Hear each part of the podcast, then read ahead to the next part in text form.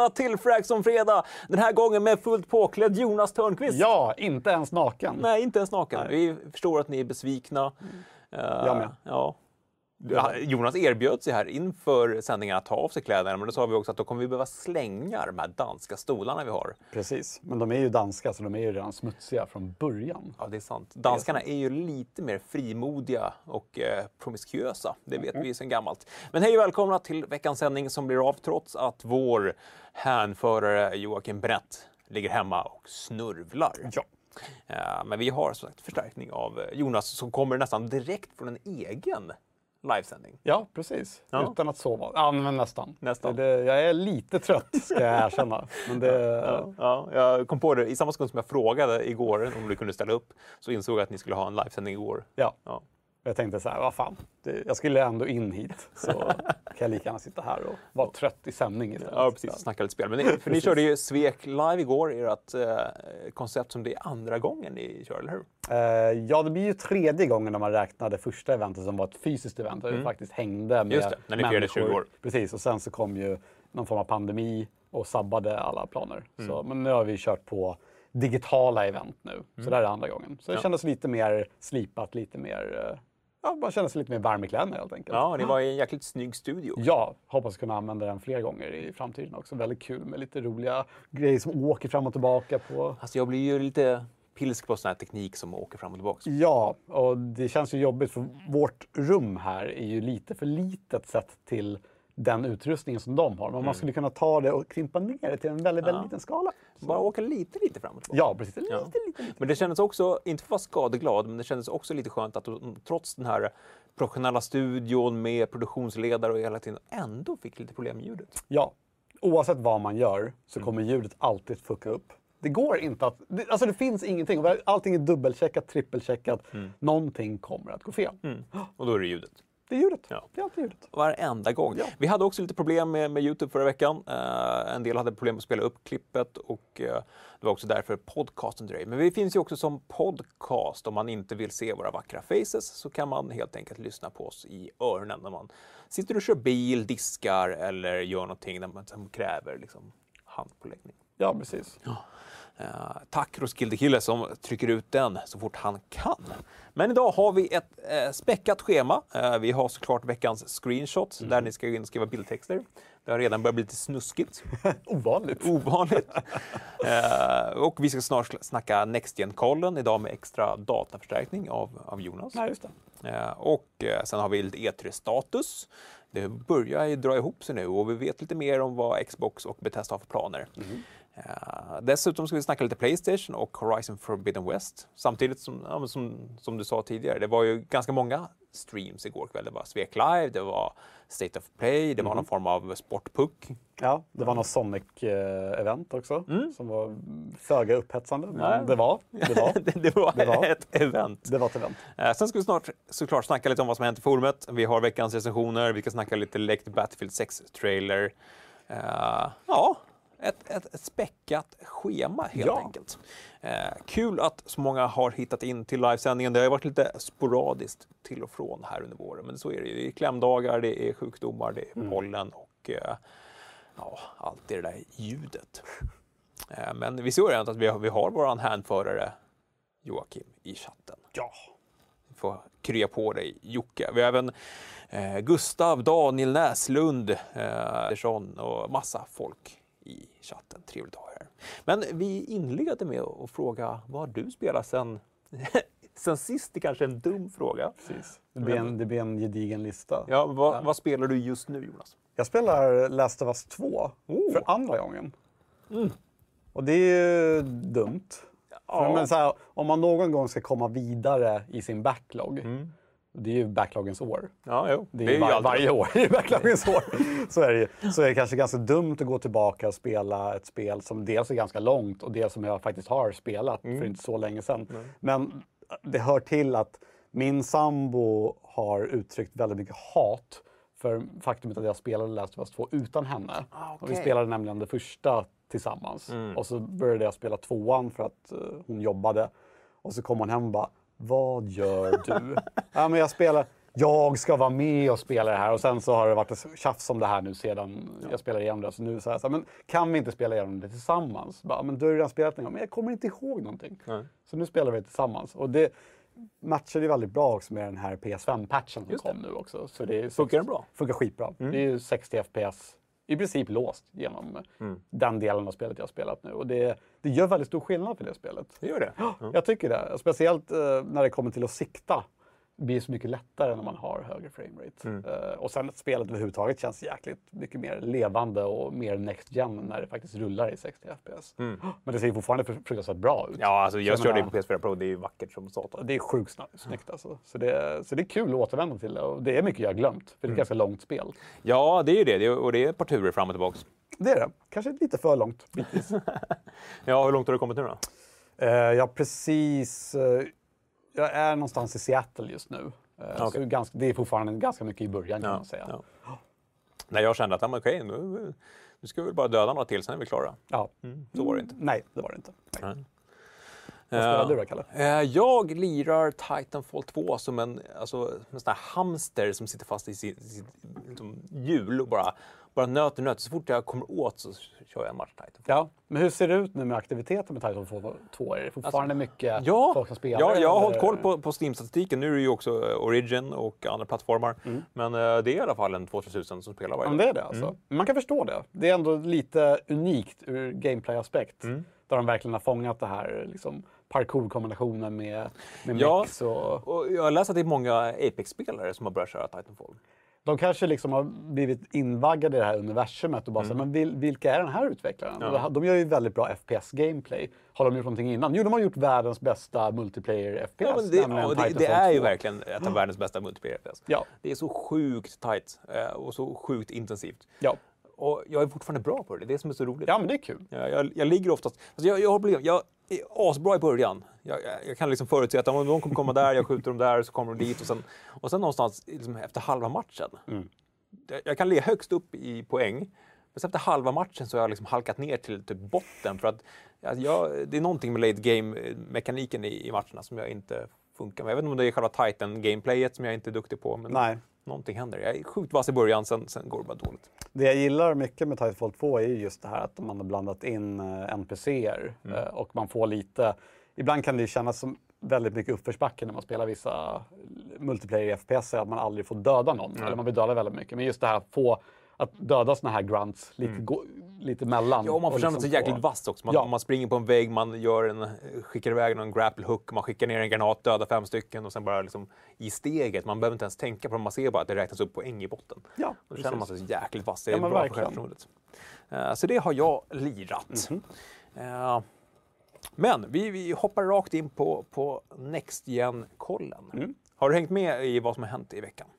Lite granna Ja. faktiskt. Det var väl egentligen främst uh, gårdagens State of Play skulle Mm. jag säga. eh, med Horizon och eh, vad heter zombie-liret? Dying Light 2 Just det. pratar de om, Mm. vill jag minnas. Det är väl de som jag har haft uh, mest Ja. på tror.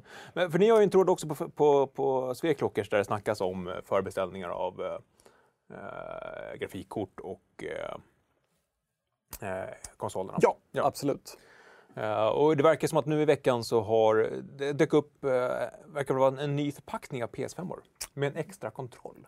Va? Man får dubbla kontroller i en och samma, Okej. så en ny sån SKU eller vad det kallas. Ja, precis. Ja. Ja. Och den dök upp eh, på flera, hos flera återförsäljare. Mm. Och även Xbox Series X. Så att, håll koll på den tråden, eh, för där dyker det upp tips om vad man kan, kan köpa grejerna. Men hur, hur går det med alla grafikkort? Vi hörde Robin i försnacket här på, för Patreon-försnacket att han har väntat i 8-9 månader för sitt 3080. Ja, det är inte ovanligt Nej. tyvärr. Så det ser fortfarande ut som att eh, det är en del väntetid och speciellt då för de som har väntat.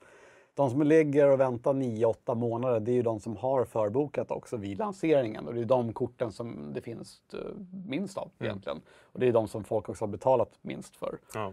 Eh, Så det är egentligen bara att eh, hålla i och, eh, och vänta ut för då behöver man inte betala de här överpriserna som är nu på marknaden. Nej, det låter ju som en annan taktik. Håll i och håll, håll, i och håll ut. Ja, men det, det är ju så liksom. Det, tyvärr. Med spelkonsolerna så är det lite annorlunda. Där kan du ju förboka någonting nu och det är fortfarande samma pris. Och så är det ju inte på PC-marknaden liksom, Nej. utan allting har gått upp i pris där så mycket. Så. Ja, men för, för där snackas ju om att det var en, en, en så kallad papperslansering. Att det var liksom det fanns inte kort. Men är det då marknaden som trissar upp priserna eller har de de facto blivit dyrare från fabriken också? Jag tror i stor det både och skulle jag säga, men marknaden är ju väldigt mycket eh, ansvarig för det. Mm. Att det trissas just nu. Just för, eftersom efterfrågan är sjukt hög, eh, tillgången är jättelåg och då blir det högre priser naturligt. Liksom. Mm. Det finns ju ingen som vill sälja någonting till rabatterat pris när, när de bara, saker bara skjuter ut. Nvidia, de dubblerade väl sin omsättning eller någonting nu exempelvis. Oh, Jesus. Ökade vinsten med typ, fan var det 80 procent? Nej men det var så helt sjukt liksom. Så då, det är inte som att de sitter illa i båten, de säljer ju allt de kan. Mm. Och de går jättemycket plus. Jag, jag tyckte ni nämnde i, på, på lunch när vi snackade att man har sålt fler kort än, än någonsin. Det är, ja. det är lite samma situation som med, med PS5. De, de säljer mer än vad de gjorde av PS4 under samma period. Ja. Men det finns helt enkelt inte tillräckligt många. Nej, precis. Och det, det kan ju tyckas att folk känner att men det finns inga kort överhuvudtaget. Varför lansera ett kort som inte existerar? Och så är inte fallet. För det finns fler grafikkort än vad det någonsin har gjort av en ny generation. Mm. Däremot också fler än någonsin som vill köpa de här nya korten. Mm. Det är bara att kolla på typ Steam Hardware Survey och kolla var de här nya korten är på väg upp. De är ju på väg att segla upp nu. Mm. Liksom långt förbi de här föregående generationerna. Så det finns och det är väl ganska ovanligt? Ja, ja. Det, i, i, den takten och speciellt kort i den här prisklassen som är 3080 som började på 8000 spänn mm. och nu kanske ligger på mellan 15 och 20 000 kronor. Ja, det så det är fortfarande så att folk köper dem och det blir en ganska stor kaka av användare som har dem. Eh, jag menar, det är fortfarande många som sitter på billigare grafikkort men vi ser att det börjar röra sig uppåt nu och folk är beredda att betala mer pengar för grafikkort överhuvudtaget. Ja. Eh, fick en eh, snabb fråga från, från Gustav Högland i chatten eh, angående lite data. Jag eh, vill ha en snabb kommentar från Jonas om nya Unreal Engine-genomgång. Oh, fan, det var kul. Ja. Ja, jag sparade på den igår tror jag det var, på mm. vägen in till jobbet. Jävligt imponerande alltså. Det är sjukt kul att se när de, just när de arbetar i editorn också. Och det är så sällan man får se, oftast när det kommer till tech-genomgångar av motorer så är det bara så här, kolla på den här coola grejen. Här är det mer typ så här, kolla så här enkelt kan du bygga upp en, en nivå. Och sen är det ju inte så enkelt i verkligheten när man börjar använda de här skriptmotorerna och så man bara, jag fattar ingenting. Uh, jag var väldigt imponerad och speciellt det här systemet uh, som jag vill minnas heter Nanite som är deras nya uh, level of detail-system där man inte ser så här fasta detaljnivåer när man kommer närmare objekt. Ja. Vilket har varit ett problem med tidigare Unreal Engine-motorer. Mm. Där du kommer så blir det en pop-in. Liksom, ja, och då får ja. du nästa detalj. Här ska det vara lite mer steglöst när du går framåt och bakåt. Och hur man kombinerar det också. Eftersom uh, Epic har ju köpt upp uh, det här Quixel Megascan som är ett svenskt företag som gör väldigt fina fotografiska inskanningar av miljöer. Yep. Och de har integrerat det i Unreal Engine så det är gratis att använda det. Sjukt imponerande hur pass snyggt det kan bli. Liksom. Mm. Det ser väldigt, väldigt bra ut på pappret mm. och eh, det ser ut som att folk kommer ha... Jag var inne i en Reddit-tråd kort efter de släppte den här Early Access-versionen och folk är fortfarande de är helt galna hur snabba de är på att hoppa på. Nu kör vi, nu ska vi mecka med det här. Så man kan tänka sig i slutet på året kanske vi får se någon tidig version där av något spel kanske som använder Unreal Engine 5. Mm. Så jag tror definitivt det kan vara framtiden.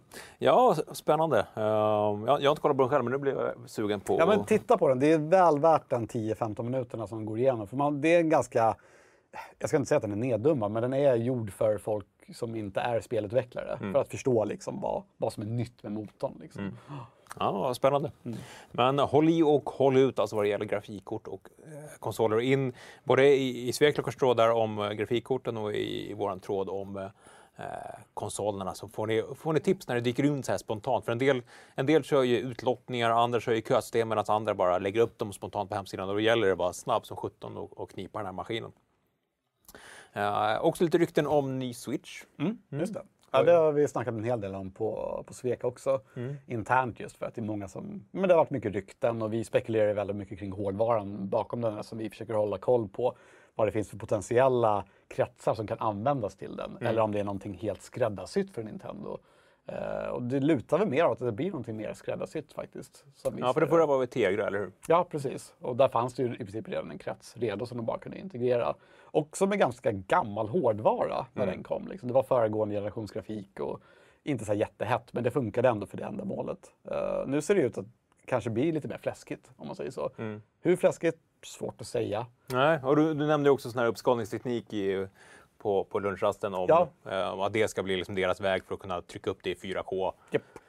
Uh, ja, DLSS och sen AMDs motsvarighet då, som, ja, som är på gång. Precis, och det känns väl som kanske nyckeln till, till framgång för att få en så liten maskin att kunna pusha de pixlarna om man säger så. Just det här att det, det blir aldrig, kanske inte blir lika bra som en eh, PS5 eller en Xbox Series X. Nej. Men behöver det vara det? Troligtvis inte. Nej. Men just att de uppgraderar bildskärmen också. Switch-bildskärmen är ju helt okej, Mm. men den är inte jätteupphetsande heller. Nej. Det snackas ju om en OLED-bildskärm nu på nya Switch Pro, vilket kommer se betydligt bättre ut om de väljer en bra panel där också. Men överhuvudtaget om de kan få upp eh, CPU-hastigheten som är också en flaskhals på den förra switchen, men kanske framförallt grafikdelen och få någon form av DLSS eller liknande och skala upp grafiken så tror jag att det kan bli, jag tror det kan bli en trevlig maskin. Ja, ja men det låter ju som att man kanske kan få ungefär samma titlar som, som eh, resten av eh, maskinerna och inte får dem tre år senare. När Nej, precis. Och jag tror väl det som är svagheten med switchen, att de vill, många utvecklare vill gärna släppa men, tredjepartstitlar som redan finns på PC eller på, på Xbox och PS5. Men eh, de portarna som släpps, om man inte är väldigt, väldigt duktig på att göra, skala portarna så ser de ut som skit. Liksom. Men det är typ så här som The, the Outer Worlds, uh, Ark Survival eh, Evolved. Det är sådana här titlar som har funnits ett tag, men de ser helt hiskliga ut på switchen. Så, Det enda företag som har lyckats ganska bra med det här det är ju Bethesda. ja. ja, men de är, de är duktiga liksom ändå. Uh, och speciellt om man tittar till, till id-titlarna. Så är de, men de är duktiga på grafik liksom, och de Ja. vet hur man skalar det. Sam, samtidigt så om man verkligen hårdgranskar det så ser man ju att mm, man har gjort en hel del kompromisser för att uppnå det. Men, men det är ändå ganska imponerande. Ja, verkligen. Eh, och det leder ju lite in på, på E3-snacket den här veckan. För Bethesda och Xbox har ju annonserat nu att den 13 juni så ska de köra en gemensam Mm. presskonferens. Och det är ju det, det, är det här vi väntar på. Det här är ju lilla julafton för oss spelnördar. när, men, när det blir de här presskonferenserna, vi kanske har uppsittarkvällar, vi kan sitta och, och liksom tagga igång varandra. Ja. Eh, och redan där såg vi att Starfield kommer visas. Ja, 100 procent. De försökte ju f- f- någon Master Chief Red Herring där med massa gubbar. Sen såg vi där, den lilla formationen. Det var samma planet. Och det sjuka, jag- hade inte vi visat den här Starfield-teasern förra veckan så hade jag aldrig kommit ihåg att det Nej, var, att det var just den som var... Nej. Nej. Eh, Så att det var bra timing, bra urval av, av Jocke där. Ehm, och sen som sagt, vi, vi, just nu så har vi väl en 6-7 artiklar ungefär kring, kring E3. Så det börjar långsamt, långsamt röra sig. Vi väntar ju fortfarande på någon form av officiell E3-stream. Ja. De ska ju ha eh, saker mellan 12 och 15 men vi vet inte riktigt vad. Nej. Men eh, ja, det börjar eh, långsamt röra på sig. I början av nästa vecka så kommer vi gå ut med när vi kör uppesittarkvällar och, och sådana saker. Ja. Men ur- ur ditt perspektiv som inte jobbar liksom så mycket hands-on med, med E3. Mm. Gillar du att det är en fokuserad vecka i juni eller gillade du mer förra sommaren när det var liksom utspritt över- från maj till augusti? Mer? Jag föredrar definitivt den mer komprimerade, nu kör vi en grej varje dag stuket snarare än det här det här när man börjar spacea ut över hela sommaren, det blir så lösryckt och man tappar liksom spåret. Och, och den här uppbyggda hypen som man känner att, för när väl E3 drar igång, det klassiska, och man har de här presskonferenserna som löper av på efter varandra, liksom, då blir det att man, liksom, man hamnar i det och blir mer taggad på att följa dem. Ja. När det är typ så här, ja, men Ubisoft har sin den 30 juni, EA har sin den 15 juli. Då blir det så här, man hinner så här, vilken dag, äh, skit i det. Liksom. Jag, tror, jag tror även att de tappar på det Ja. på något sätt. Ja, alltså de, de kanske får lite mer uppmärksamhet enskilt, men jag tror också att de, de hjälper varandra. Att, att, Ja, att dra igång hype-maskineriet liksom, och får folk att engagera sig en hel vecka. Snarare än att, men det är lätt att tappa liksom, spåret Ja. på sånt. Men eh, om vi går tillbaka till Xbox och Bethesda, vad skulle du vilja se annonseras? Mm. Annonseras. Ja, det, det är fan svårt att spekulera tycker jag. Eh, alltså, det, om man bortser från att annonsera så vill man ju gärna se lite Starfield. Vad är Starfield? Liksom? För det känns som att det är bara det är en titel och, och lite fluff. fluff liksom. Ja. Men eh, jag tycker det är svårt. Jag skulle jättegärna vilja se en uppdatering också på vad hände med Halo Infinite. Just det. Eh, Eftersom den förra gången de faktiskt visade gameplay och sådär så blev det ju... de fick ju ganska mycket skit, Ja, om man säger så. Vilket i princip fick dem att eh, dra tillbaka lanseringsdatumet på det. Typ, vad har de gjort? Har de gått tillbaka och liksom ordnat till allt det här? Och ser, det, ser det bättre ut? Eller ser det fortfarande ut som ett eh, gammalt Halo? Mm. Liksom? Men jag vet inte, har du, har du några uppslag liksom, vad du tror skulle kunna tänka sig visas upp? Jag, jag tror ju att, att både Xbox och ja, Bethesda som nu ägs av, av Microsoft, de har ju världens möjlighet här nu att verkligen visa deras ja, men vision för vad, vad, vad, kommer jag få om jag, om jag har en Xbox ja. eh, de närmsta åren. Vad, är, vad ska få mig att investera i en, i en Next konsol Och de har så många studios som de har shoppat. Det borde finnas alla möjligheter och kanske inte visa liksom, jättemycket gameplay, men i alla fall liksom, ge oss den där uh, shit, mm. jag måste ha en Xbox för att uh, det här kommer. Ja. De här studierna kommer leverera någonting som jag är jäkligt sugen på. Ja, precis. Uh, sen är man ju lite sugen på, på Starfield. Jag tycker det är intressant att de frontar med både uh, Halo, Infinite och Starfield. Det är väldigt rymdigt liksom. Ja, men som att man nästan kan, kommer kunna blanda ihop dem. Ja, det känner jag också på något sätt. Ja. Samtidigt som att Starfield fortfarande är liksom det är verkligen en Bethesda proper-titel om man säger så. Mm. Och det kommer väl troligtvis kittla liksom Skyrim-folket lite mer än vad exempelvis Halo gör mm. på det sättet. Samtidigt, nu när jag sitter här och funderar lite, är det inte dags för den sista Wolfenstein-titeln? Just det, det ska ju vara en trilogi. Ja, ja det ska ju vara en avslutande del. Och mm. visst fick vi den här avstickaren form av Wolfenstein Youngblood. Just det. Men det var ju mer en co-op del som kanske inte riktigt mottogs lika varmt. Nej, de gjorde ju något liknande med, med första Wolfenstein också. Att det... Ja, de släppte det här The Old Blood. Ja. Exakt, en liten mini-expansion. Ja, men precis. Så det känns väl som att de kanske i alla fall borde prata om det sista. Och jag har ju älskat de här, den här rebooten av mm. Wolfenstein och skulle väl gärna vilja se vad som, ja, hur man knyter ihop säcken på slutet nu.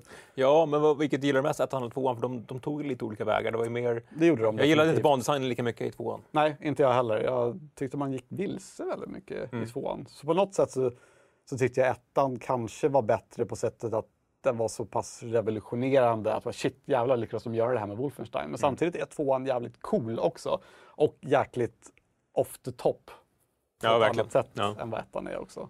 Så nej, men det, det, det, är väl det. Jag skulle gärna se ett nytt Wolfenstein utannonseras. Mm. Tror jag. Snackas mycket i chatten också om uh, uh, Fable 4.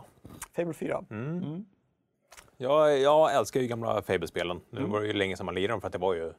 När, när kom senast Fable 3? Det är 10-15 år sedan. Det är länge sedan. Alltså. Ja. Ja. Så jag skulle gärna se någonting därifrån. Samtidigt är jag lite o...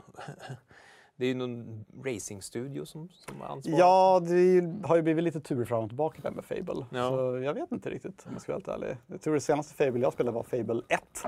Så det var ju några år sedan. Det var verkligen några ja. år sedan. Ja, men det, jag tycker att de är charmiga. Så här, ja, men de är light RPG. Liksom. Absolut. Um.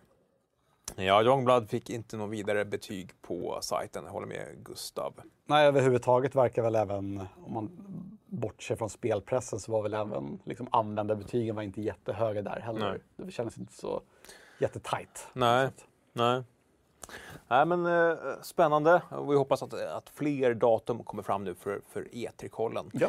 Men eh, du nämnde ju också Playstation. De är som vanligt inte en del av, av E3, där de inte varit på några år. Nej. De står ju med på det här Games of Summer som, som sponsor. Det kanske kommer någonting på Geoff Keighlys eh, uppsittarkväll där. Eh, det vet vi inte än. Men de känns ju lite som de har redan har stulit showen när de ja. igår körde sitt State of Play och visade upp Eh, Horizon Forbidden West. Jag tänkte vi, vi kör ett klipp och sen kan vi snacka lite efter det. Ja. Yep, another one.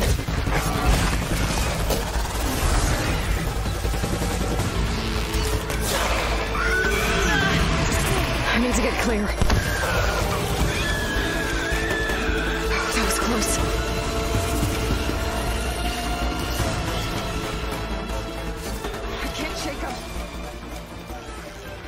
Ja, där hade vi alltså Forbidden West. Så vi körde in nästan en kvarts ren gameplay var mm. Och det känns som att de, Playstation har lyssnat på vad, vad fansen vill ha när, man, när de väl visar upp ett spel.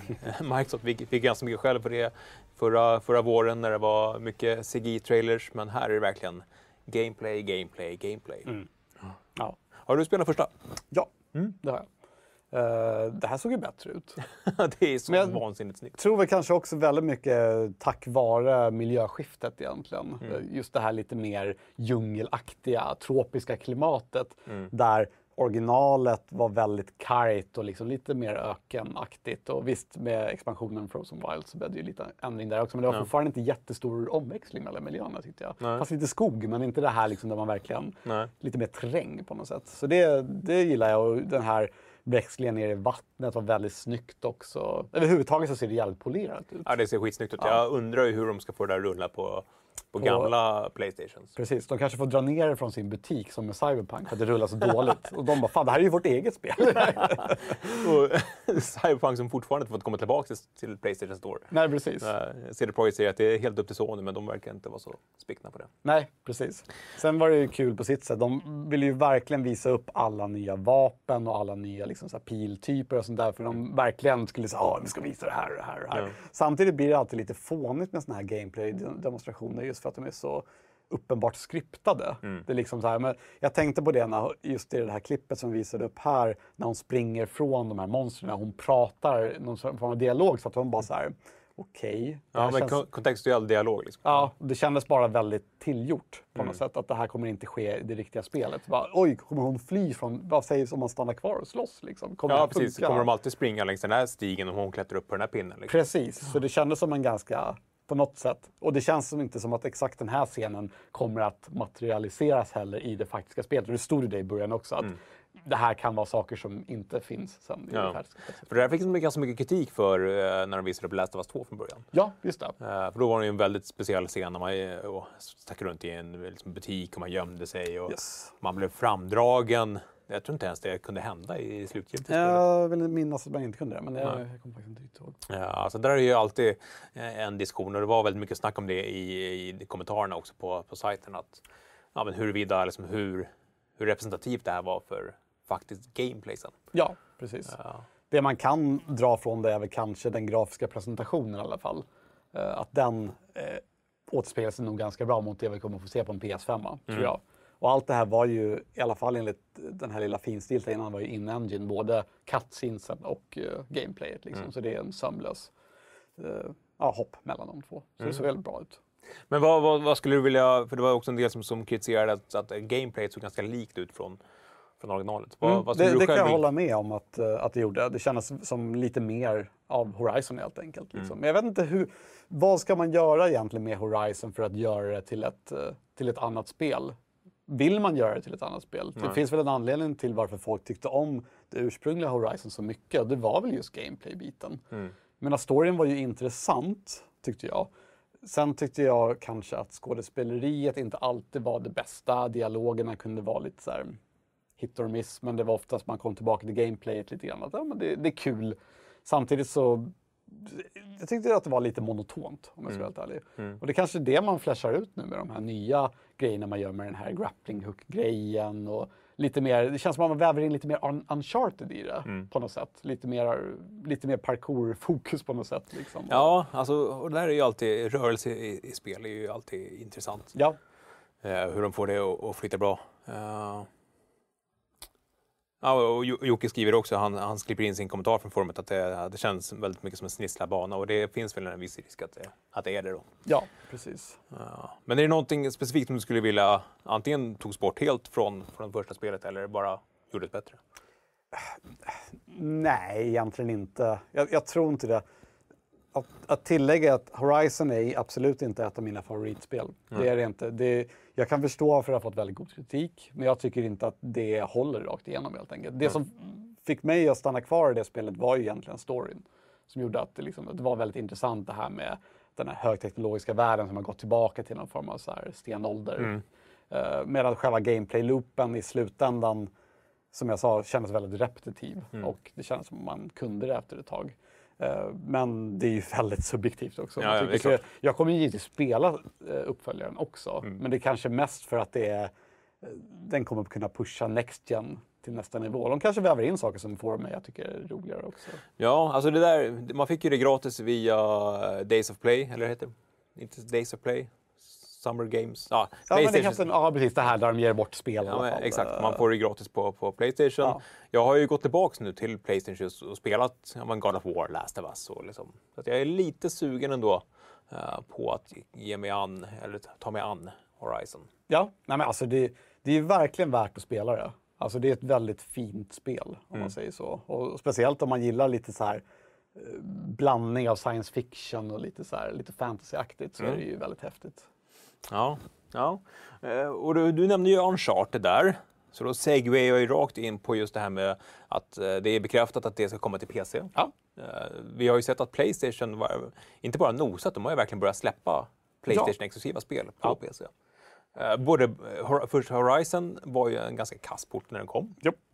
Eh, Men vad, vad, vad tror du? Är det, är det här sättet att de ska liksom trycka till Microsoft ordentligt eller vad, vad tror du Playstation tänker? Jag tänker väl att de ser att de här spelen inte säljer fullt lika bra längre och att vi kan hitta ett, en ny kanal helt enkelt för att få upp försäljningen på de här spelen och samtidigt skapa en ny dragningskraft till vår spelkonsol. Ja, Just som med, det är en perfekt timing. De släpper Horizon, säg ett år innan det kommer, ett, år, ett och ett halvt år innan det kommer en uppföljare. Folk hoppar in där, fan det här var ju, det här var ju skitkul, fan vilket kul spel. Och vad kommer hända efter när jag spelat klart det här och storyn verkligen fångade mig? Ja, då måste jag ju köpa en Playstation 5. Ja, alltså du tänker att, att deras PC-lanseringar är liksom en gateway-dragen? Det är det definitivt. Det, tror jag. Det, det, det, det är två saker. Dels för att kunna öka försäljningen av ett spel som har börjat liksom tapera av helt enkelt. Det är ju extremt mycket PC-spelare där ute som, har verkligen, som har varit intresserade av de här spelen men fortfarande inte vill köpa en spelkonsol. Och då kan man fånga upp dem helt enkelt. Ja, jag, jag, jag såg en jämförelse, de har ju sålt eh, över 100 miljoner PS4 och bara i Kina fanns det 325 miljoner PC-spelare. Ja. Så att, Ja, precis. marknaden är ju ganska stor. Den är väldigt stor. Och man ser också lite av en trend om man tittar på hur många år det tar innan de här spelen kommer till PC. Eh, både Horizon och, eh, och Uncharted 4 då, det är ju säg tre, tre och ett halvt år sedan de kom ut liksom, och nu kommer de till PC. Och det är ju liksom den tidsrymden vi pratar om. Och sen finns det ju andra exempel som Days Gone kommer ju till PC nu och det är ju en mycket nyare titel. Ja, men det var ju också ett spel som inte gjorde, alltså, som inte, som aldrig lyfte på, på Playstation. Precis, och därför så kände väl de att okej, nu borde vi ändå rida på momentet medan Days Gone fortfarande är någorlunda omtalat. Och det mm, passade ganska bra ihop när det började bli diskussion om en uppföljare till Days Gone också. Och de visserligen nekade den uppföljaren, men det blev ändå lite så här, men ja, vi släpper det till PC och det funkade ju väldigt bra också. Eh, Och det var ju en väldigt bra PC-port. Ja, jag tänkte precis fråga dig, hur kändes den? Väldigt bra. Men det, det, jag tror att det var väldigt lätt att göra också. Eller, jag ska inte säga att någonting är lätt att göra, jag är inte spelutvecklare själv, men det är en Unreal Engine 4-titel. Och jag tänker mig att de är ganska lätta att porta till PC, till skillnad då från säg Horizon Zero Dawn som bas baserades på Decima. Och det var ju liksom första spelet med Decima-motorn tillsammans med eh, Death Stranding då. Death Stranding-porten till PC var ju fenomenal. Ja, precis. Ja, Medan Horizon Zero Dawn från början inte fullt lika bra. Hade vissa problem. De har ju patchat det i många omgångar och det är Ja. bättre nu. Men jag skulle fortfarande säga att Death Stranding är en av de bättre PC-portarna. Mm. Definitivt. Men det känns som att Death Stranding var inte heller riktigt det här. De var ju lite av en free agent där med Kojima Productions. Ja. Och de var väl med att de var uppsignade på Playstation under en tidsexklusiv deal och sen fick de göra vad de ville med sitt spel. Ja. Så nej, men jag tror definitivt en, en väg framåt nu för, för Sony att släppa mer titlar på, på PC. Och Uncharted, fan vad kul ändå. Uncharted 4 som är ett otroligt vackert spel. Jag tror det kan göra sig väldigt bra på PC. eh, Kanske 60 FPS, lite högre upplösning. Och det banar lite väg också för Naughty Dogs egna proprietära grafikmotor att ta plats på PC för första gången. Och det är häftigt. Och kanske banar väg för Last of Us. Ja, varför inte? Ja, första mod, eh, typ den här remastern kanske. Eller någonting. Ja, det var ju någon som blev lite upprörd där att de borde släppa eh, Uncharted Collection först då. Det kanske kommer också. Det är mycket möjligt att göra. Det kanske är ganska lätt att göra det portarbetet om du väl har gjort Uncharted 4. Så kan du säkert få över de andra också, Ja. kan jag tänka mig. Det är väl bara, det är bara att skriva PC True. Ja, och så klick. Ja, det är klart. Uh, Days Gone är också Decima-motorn, säger Isak Hammerin. Nej, det är det inte. Det är Unreal Engine 4. Ja. Ja, Eh, Jonas vet, han kan data. precis. För Ja. motorcykel är nämligen en, en bil som de har tagit bort två hjul på. För Unreal har inte stöd för motorcyklar. Just det, det kommer jag ihåg att vi, att vi skrev en nyhet om. Ja, Ja, väldigt roligt faktiskt. ja, det, ja det, det, det finns ju så mycket sånt där i, i, spel som man inte har ingen aning om hur de löst det. Men som, som gamla Half-Life-tåget, eller Fallout-tåget tror jag. Som är, som är en gubbe med, som har ett som tåg som ett huvud. Liksom.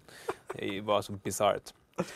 Eh, och eh, ja, kul med, med PC-portar och som du säger, det kan nog vara en, en gateway drug för många. Och Ja. för andra bara en möjlighet att testa jäkligt bra spel. Ja, precis. Och jag menar, även, de, även om de har tre år på nacken så känns de inte gamla tycker jag. Utan Nej. de känns fortfarande väldigt, väldigt eh, moderna Mm. i grafiken och i gameplayet. Ja. Ja, men jag, jag sitter och spelar uh, God of War, eller jag blev ju klar med det för, ja, för några veckor sedan. Ja. Det är ju fortfarande ett fantastiskt spel. Jag tänker att God of War är härnäst. Ja, kanske. För att det kommer komma en uppföljare snart och det är alldeles perfekt att släppa det första på Ja, just det. PC. Så det skulle jag definitivt gärna vilja se. Ja, just det. Ja, spännande. Eh, sen har vi ju också en så kallad sajt. Vi sitter inte bara här på Youtube och tjatar. Jaså. Det är märkligt det där. Eh, där vi har ett forum.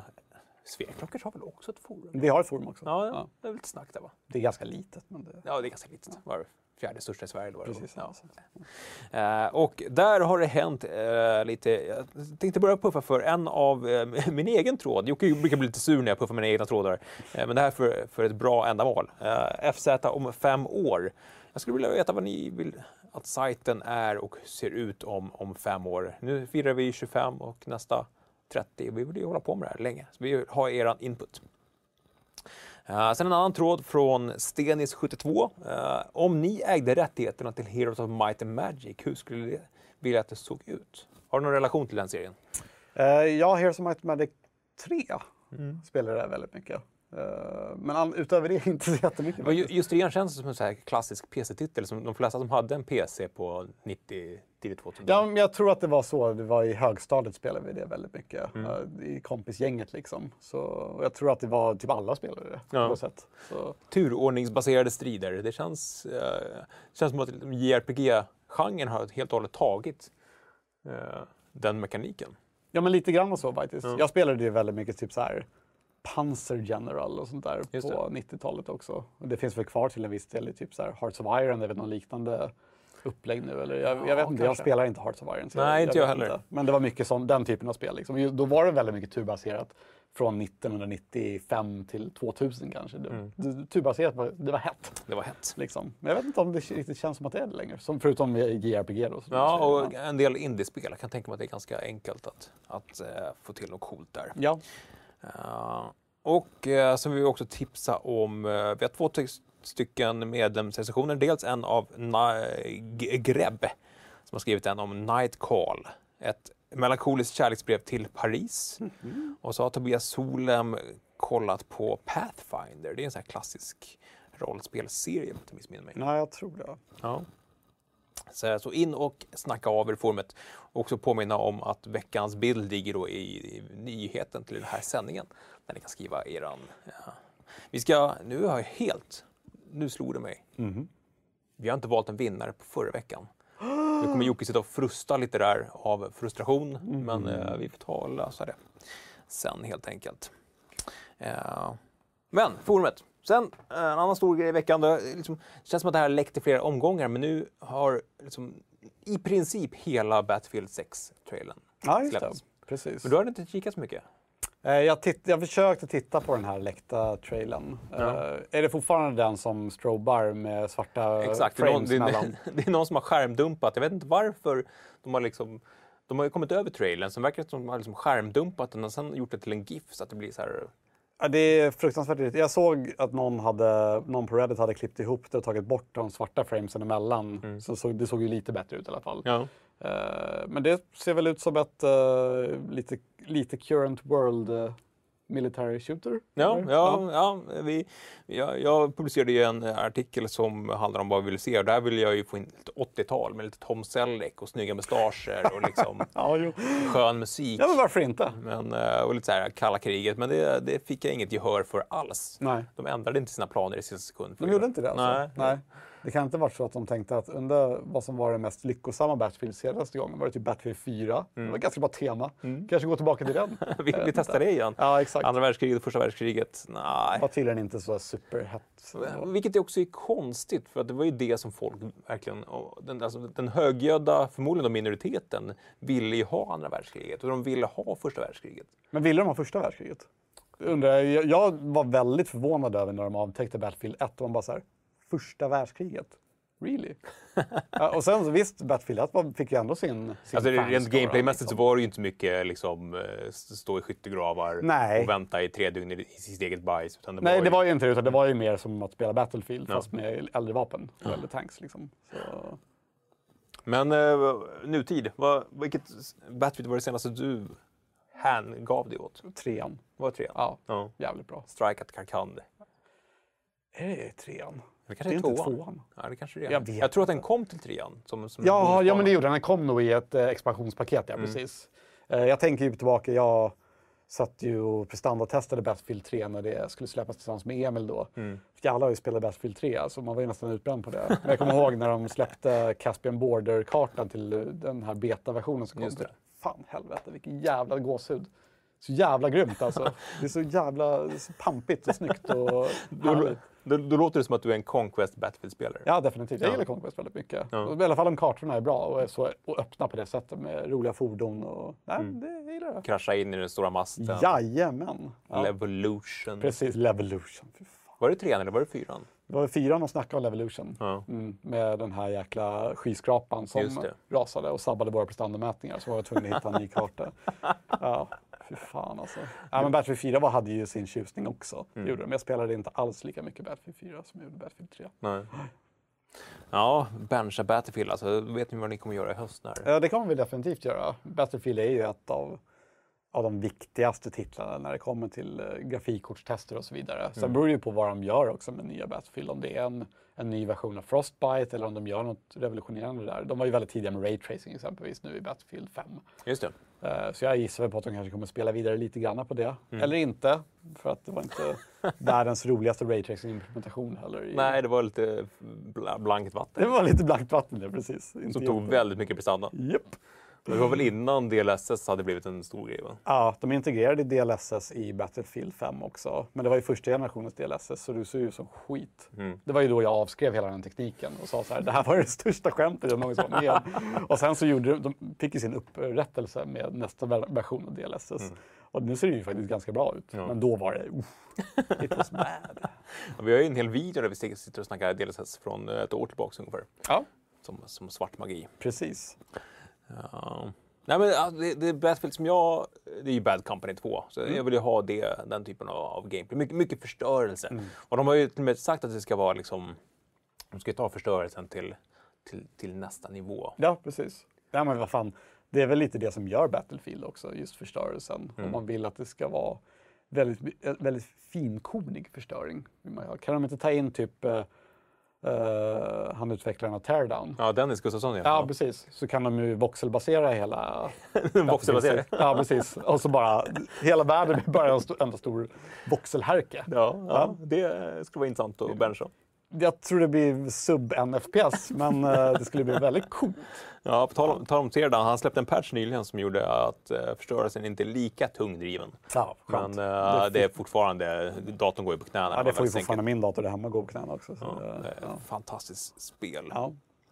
Ja, men eh, intressant. Det eh, snackas ju om en, eh, ett eh, ordentligt avtäckande under juni här för, för Battlefield. Det har också snackats om att det ska vara en annan trailer än den som nu har läckt. Eh, För att, eh, I och med att den har läckt. Ja, men precis. Ja, men det kan man ju tänka sig att de, ja men shit, nu måste vi göra någonting nytt här. Ja. Fan, det tycker så jävla synd om, eh, om Cinematics-killarna som måste göra om det här. Liksom.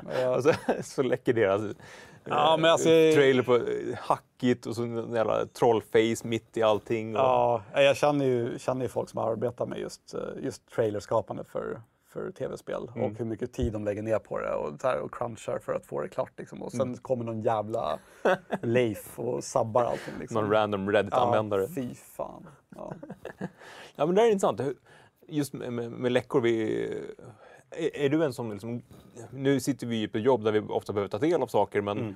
rent personligt, liksom, hänger du åt läckor och sådana saker för spel eller försöker du liksom undvika det? För spel brukar jag undvika till största delen skulle jag säga. Mm. Eh, alltså det är klart att jag, jag tar till mig läckor när det kommer när det snackas om att den här grejen är på G eller det här. Men när det kommer till trailers och sånt där brukar jag skita i det Mm. och vänta till att det kommer en skarp version. Det brukar oftast vara ganska kackig kvalitet och så vidare. Och liksom så här. Ja. det, det gör mig inte så mycket att vänta lite grann faktiskt. Du får medhåll av, av Kenneth här, så att typiskt Leif håller Ja. på att läcka grejer. ja. Eh, Battlefield 6, alltså förvänta er ett ordentligt avtäckande inom kort. Eh, Jag vill också puffa lite extra för shoppen. Vi har kört en rea där i en dryg vecka och det är sista dagen idag att eh, klicka hem lite FZ merchandise som vi ska försöka bli av med helt enkelt. Eh, Sen har vi också varje torsdag, gör ju Fredrik ett quiz. Och det, vi har ju ett nytt quizsystem och nu kan vi ju enklare se liksom vad, vad snittet är på varje quiz. Och alltså varje vecka så är det under fem rätt som, i snitt. Antingen tyder det på att FZs läsare är jävligt dåliga på quiz eller att Fredrik är sadist och gör alldeles för svåra quiz. Ja, jag tror att det är... ja, Jag, jag skulle rösta på att Fredrik är sadist. Jag, jag gör ju de här quizen varje vecka också. Här, Vad är det här? Fan? De är, det, är en, det är en bra svårighetsgrad på dem kan man säga. Ja. Eh, jag gjorde ert quiz också, för ni kör ju också quiz varje vecka Ja. på torsdagar. Och eh, den här veckan var ju ett, ett spelquiz. Det var det. Ja, jag fick 8 av 10. Jag var ganska nöjd med det. Jag är väldigt imponerad. Det var ett ganska svårt quiz faktiskt. Mm. Det var många som ojade sig i kommentarstråden och sa så här, vad är det för jävla 70-talist som har gjort det här? Jag bara, jag är faktiskt inte 70-talist. Det svåraste var ju om man skulle veta vilket Jedi, Jedi Knight-spel Det var jättemånga som tyckte den var svår. Jag tycker den var helt självklar. Men det är liksom så här, om du får tre alternativ. Är det, är det första Jedi Knight? Är det Jedi Ja, Outcast? den, gick, den gick bort. Men Den går ju- bort för det, det ser ut som skit. Ja, Ja, ja. Eller ja, det ser inte ut som skit när det sätts. Men sen så kommer det till nästa och du ser ju klart och tydligt på bilden att det är Kyle Katarn på bilden. Och han spelar ju inte som i Jedi Academy. I Jedi Nej, så Academy då gjorde man ju en egen gubbe. Ja, precis. Och det var det som jag ville leda till. att det här, Du kan lösa det här om man inte stressar och tittar på Om bilden. du tänker. Ja, precis. Men folk så, har ju så bråttom och ska trycka. Och, åh nej, alla tre alternativen är samma sak. nej. Ja, man gjorde en egen gubbe där, det stämmer Ja, ju. precis. Ja. Det var det som var grejen. ja. Åh, eh, High Octane var ju med där. Ja, Det var ju... det var ett spel. Ja. Jag, jag tyckte inte det var så bra. Tyckte du inte? Nej, jag tycker det Gud vad vi körde det. Ja, men det är liksom, grejen med High Octane är... Det finns ju en jätterolig historia bakom det. Gör det? Ja, Ja. Mm. eh, och det är att eh, det är ju Bullfrog som utvecklar det. Eh, och de använder samma motor som Magic Carpet. Okej. Det- Den är inte alls gjord för att göra en, så här, en racer på. Nej. Och de utvecklade det på två månader. Okej. Det är ganska snabbt för ett spel. Det- Och det utvecklades bara för att EA behövde dryga ut budgeten för det kvartalet, för de hade för låg försäljning. Och då tänkte de att shit, eh, Wipeout släpps snart. Ja. Kan vi hinna innan Wipeout med det här spelet? Och de slog dem med typ två, en vecka eller två veckor. Är det sant? Fick ut på marknaden. Och Wipeout är ju ett jävligt mycket bättre spel än vad High Octane är. Ja, det är alltså, subjektivt givetvis. Men uh, High Octane har ju inte eh, Prodigy som soundtrack om man säger så. Det, det har de inte. Eh, Men de, de hade bestyckade bilar. Det hade de. Ja. Och det var väl det som gjorde det så coolt. Jag Ja. Mm. återvände faktiskt till High Octane bara för någon vecka sedan. Eh, det var inte bättre nu. Det har ju en draw distance på ungefär 10 cm för bilen. Det, det är någonting som man inte tänker på när man Nej. var liten. Nej. Men Nej. nu tänker man på det. Ja. Ja. Ja, jag, jag har bara det här varma, fluffiga minnen av när vi sitter och nöter det på... Kunde man köra det i multiplayer? Jag kommer faktiskt inte ihåg. Jag spelade bara det i single player. Men jag, jag kan tänka mig att det finns en multiplayer-del av det. Ja, jag blev glad i alla fall när jag såg High Octane i... Jag tog bara med det för att vara jävlig igen eftersom jag hade Wipeout med som ett alternativ. Mm. Och de, jag visste att de flesta skulle trycka Wipeout på den. Så det, Har du kollat statistiken på det? jag ska göra det sen. Ja. Jag, jag tror att många hade fel på den. Ja, samtidigt det var lite... Wipeout var lite cleanare och lite Ja, det var snyggare på alla sätt och vis. Ja. Faktiskt. Men det, på alla sätt och vis. ja, nej men... äh, äh, alltså det, man blir alltid någon form av östgöte när man ska säga veckans quiz. Veckans quiz. Det är någonting med, med eh, artikuleringen där som inte stämmer. Eh, Men i, i, den här veckan handlar det om djuriska hjältar. Mm. Eh, Jag har inte gjort det. 6 av 10. Sex av tio. Det är bra. Mm, det är okej. Det är okej. Ja, det var ett Ja. svårt quiz. Det Ett var det. väldigt svårt quiz. Det var det. Ja. Har sagt, eh, me- medel brukar ligga på 4,82 eller någonting. Så att, eh, Det jobbiga nu är att jag sa 6 av 10, men jag kommer inte riktigt ihåg om det var 6 av 10. Och du kan kolla det i systemet, så du kan kolla ut mig på det här. Och, För det är ganska roligt, för man kan ju ändra den där siffran som när man gör sin delning i... Och jag, alltså jag har ju sett att folk, säkert de som skriver 10 av 10, då har jag ju gått in och kollat, var det verkligen 10 av 10? Ja. Nej. Nej. Så att, eh, man, Precis. visst, man, man kan flexa muskler som man inte har, men eh, det är ju eh, jobbigt. Uh, Kenneth frågar, finns det en Jedi Knight Remaster? Jag tror faktiskt inte det. De portade ju spelen till Switch. Det gjorde de. Ja. Men jag tror inte att det var någonting jätte eh, nytt med den portningen faktiskt. Nej. Jag tror inte att det finns någon, någon remaster av den. Där skulle man kunna gå tillbaka och toucha upp faktiskt, Mm, känner jag. Eh, de, jag. Jag spelade faktiskt eh, Jedi Outcast för bara något år eller två tillbaka. Jag skulle säga att det håller ganska bra även idag. Ja, alltså man, man minns ju ljussabelstriderna alltså. De är fortfarande jävligt eh, feta, Mm. skulle jag säga. Men sen visst, det, det är så här Quake 3-motorspel. Så det ser ut som ett Quake 3-motorspel. Det var ganska många spel som släpptes i Quake 3 motorn Ja, det var en ganska bra grafikmotor, kan Mm. kalla det för. Ja. Men in och gör quizet. Quiz. Eh, och innan vi, vi tar spel här så tänkte vi skulle ta och, och eh, läsa upp några bildtexter. Vi får be om ursäkt att vi inte drar en vinnare. Vi får eh, antingen gör vi det direkt på sajten i, i nästa veckas sändning. Jag gick in och kollade snabbt och insåg att det här har jag ingen koll på. Men vi har ju då veckans bild som ser ut sådär. Och den är ju då tagen från aktuella Biomutant som, som släpptes i veckan. Och nu, nu ja, du ser den lite grann där. Eh, Precis, The Ball. Ja, Gustav Höglund, eh, frekvent eh, deltagare i den här ädla sporten, skriva roliga bildtexter. En bortsprungen pungkula blev den oväntade men självklara höjdpunkten när Elden Ring äntligen visades upp på E3. Eh, en bieffekt av att sakna händer är att man måste ha hjälp med tandhygienen, säger Maniac. Kontox. Man brukar säga att näbbdjuret kom till när Gud hade djurdelar över eh, från att skapa de andra djuren. I det här fallet så hade han då tagit LSD. Eh, Bosse insåg snabbt att han hamnat i ett av i ett av de märkligare Spiderversen. Ja, han skjuter ju någon form av spindelnät där. Eh, eh, Too angry to die. Här kommer alla känslorna på en och samma gång. Eh, liten bestraffning för att du citerar Per Gessle. Gregory. Walter är mellanstadielärare. Det känner man på andedräkten.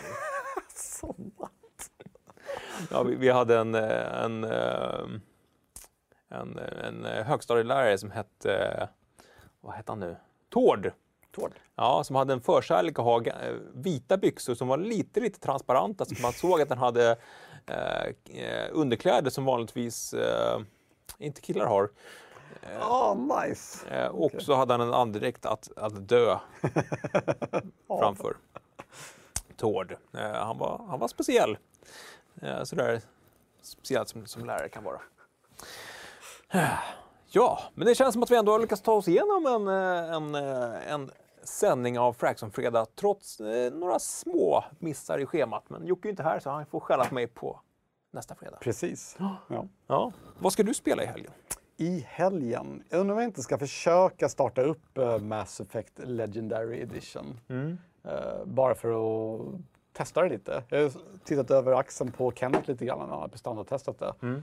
Eh, och eh, det ser inte så här superupphottat ut. Men samtidigt så har man en form av så här guldskimmer över gamla spel som man har spelat förut och tycker att saker ser likadant ut som de gjorde då. Det ser väl troligtvis bättre ut än dem.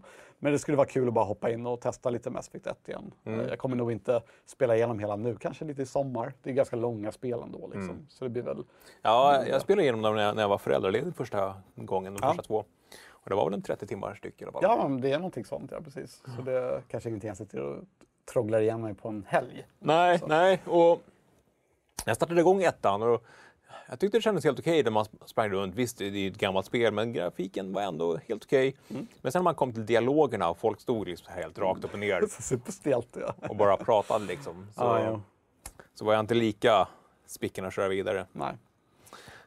Ja, nej, jag ska, det, jag ska dra till landet. Ja. Uh, vi brukar ta med switchen. Jag tänker varje gång, ja, men kanske jag ska spela något trevligt switch-spel, men Ja. det, det kommer jag inte göra. Nej. Nej. Nej, det kommer ju stå och grilla. Jag kommer stå och grilla. Eh, jag är lite sugen på att bygga sån här, ett, uh, liksom sån här, en ställning för hängmattor. En ställning för helgmattor. Ja, så man kan ställa den liksom var som helst på, på tomten. Jaha, okej, så du kan följa solen exempelvis? Ja, men exakt. Vi, och- vi har liksom en liten eh, hängmatteglänta Mm. där vi har tre hängmattor som man kan ligga och läsa i. Men eh, man kanske vill lägga sig i solen och man kanske vill lägga sig där. Ja, men det låter väl ändå ganska rimligt. Ja. Ja. Jag är ju så otroligt ohändig bara. Och varje gång jag tänker att om jag ska bygga någonting så inser jag att ja, men då måste jag köpa det här power-toolet, så måste jag den här grejen och så blir allt så här. Ja, men då kommer allting kosta 3000 spänn. När motsvarande grej på Jula kostar 300. Så där.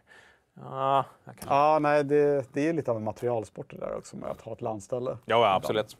absolut. Ja, alltså det, ja, får se om det blir några games. Jag har i alla fall blivit fritt mitt uh, Candy Crush-beroende. Har du haft ett Candy Crush-beroende? Ja, alltså jag är barnsligt förtjust i just uh, Match 3-mekanik. Ja, nej men okej, jag, jag köper det. Det är Ja. faktiskt ganska, ganska roligt. Jag började spela uh, Puzzle Bobble började jag spela igen Mm. eh, för någon vecka sedan. Och, bara så här, och så fastnade jag, skulle bara starta upp det och testa lite. Fastnade flera timmar framför det. Mm. Också väldigt så här, det är lite beroendeframkallande. Ja. Det är någon form, den kickar igång någon, en liten grej. Ja, men varje matchning som- gör ju att man får en liten... Liksom, Ja, och, och när någonting trillar ner och det börjar matcha dun, dun, dun, och det blir kedjor, då bara jävlar. Det.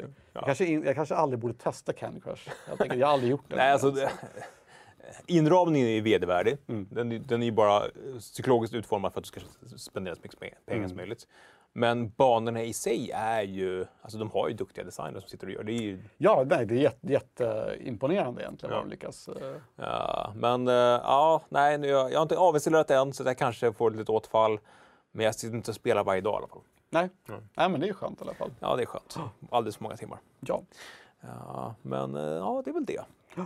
Jag tror jag har ett, ett till projekt som jag kanske ska påbörja nu i helgen. Jag håller på och bygger små USB-adaptrar för gamla spelkontroller. så typ, eh, så du kan stoppa in en original NES-kontroll i USB exempelvis. Jaha. Ja, det finns eh, ett, eh, en öppen källkod för att bygga sådana adaptrar väldigt, med väldigt låg latens. Så det knappt blir någon skillnad mot att använda dem mot original. Okej. Jag har ju min lilla sån här retrobox som jag Just kör ja. spel på. Så jag har, jag har investerat i massa små kretskort nu som jag ska programmera enligt eh, Mega Drive, NES och SNES ska jag bygga. Okej, så det är lite kretskort som du programmerar för att tolka nedsignalen ut till USB? Precis, så då har jag köpt eh, själva kontakten, alltså honan. Och den löder då till vissa punkter på det här kretskortet. Sen programmerar du kretskortet och den omvandlar då den här seriella kopplingen till den till USB då. Eh, med en, den har latens på 0,7 millisekunder eller någonting.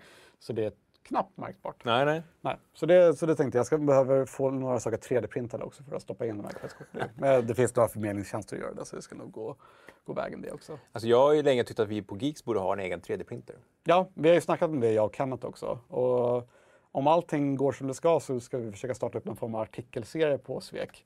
När vi i princip, lite så här 3D-printing for newbies. Ja. Eh, Vi köper in någon lite billigare 3D-skrivare som är byggsats och bara bygger ihop den. Vad ska man tänka på? Och så där. Så då, det är skitkul alltså. Ja, det känns som att det har hänt ganska mycket där också. Från Ja. början kostade de ju det här 30-40 tusen men nu kan du få ganska vettiga grejer för...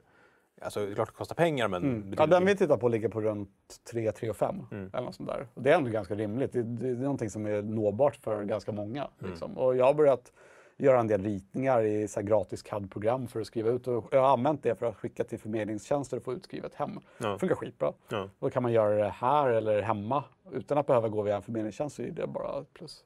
Så. Ja, gud vad nördigt och Ja, men det ska bli kul att se hur det landar i. Jag har inte lödit någonting på tusen år bara. Så det, det är det, jag är inte så bra på att löda. Men, eh, Du lödde ju om någon strömkontakt till kameran som vi tittar Ja. in i nu. Precis, och den funkar ju fortfarande. Den funkar och den har vi haft i fyra, fem år nu. Ja. Så, så någonting är det ju värt i alla fall. ja, visst. Men eh, åh, du måste du nästan visa upp på något sätt. Du, Ja. du, du har väl en, en stream när du bygger ihop den här retro-datorn va? Eh, jag tror inte det är när jag bygger ihop den just. Men har, vi hade ju en stream när jag, när jag livekör och demonstrerar hur den funkar och sådär. Eh, så den kan ni ju, den hittar ni på Speaklovers extra kanal. Ja. Uh, Mr FPGA heter den här lilla prylen. Just jag det. kör lite gamla DOS-spel på den just då. Väldigt kul. DOS-spel alltså. High Octane exempelvis. Oh. Ja, spännande. Mm. Eh, det kan vi rekommendera. In och kolla på Sveklockers extra kanal. Där kan man också titta på när de dricker läsk. Jag var med i senaste avsnittet. Ja, Drack eh, gräddläsk. gott, gott. Tycker du? Ja, du tyckte inte det var så Nej, nej, nej. nej. Men nu är klockan 15. Vi eh, höll oss på minuten till dagens sändning. Kul att det var så många som tittade med. Ett stort tack till Jonas som fyllde upp stolen ypperligt.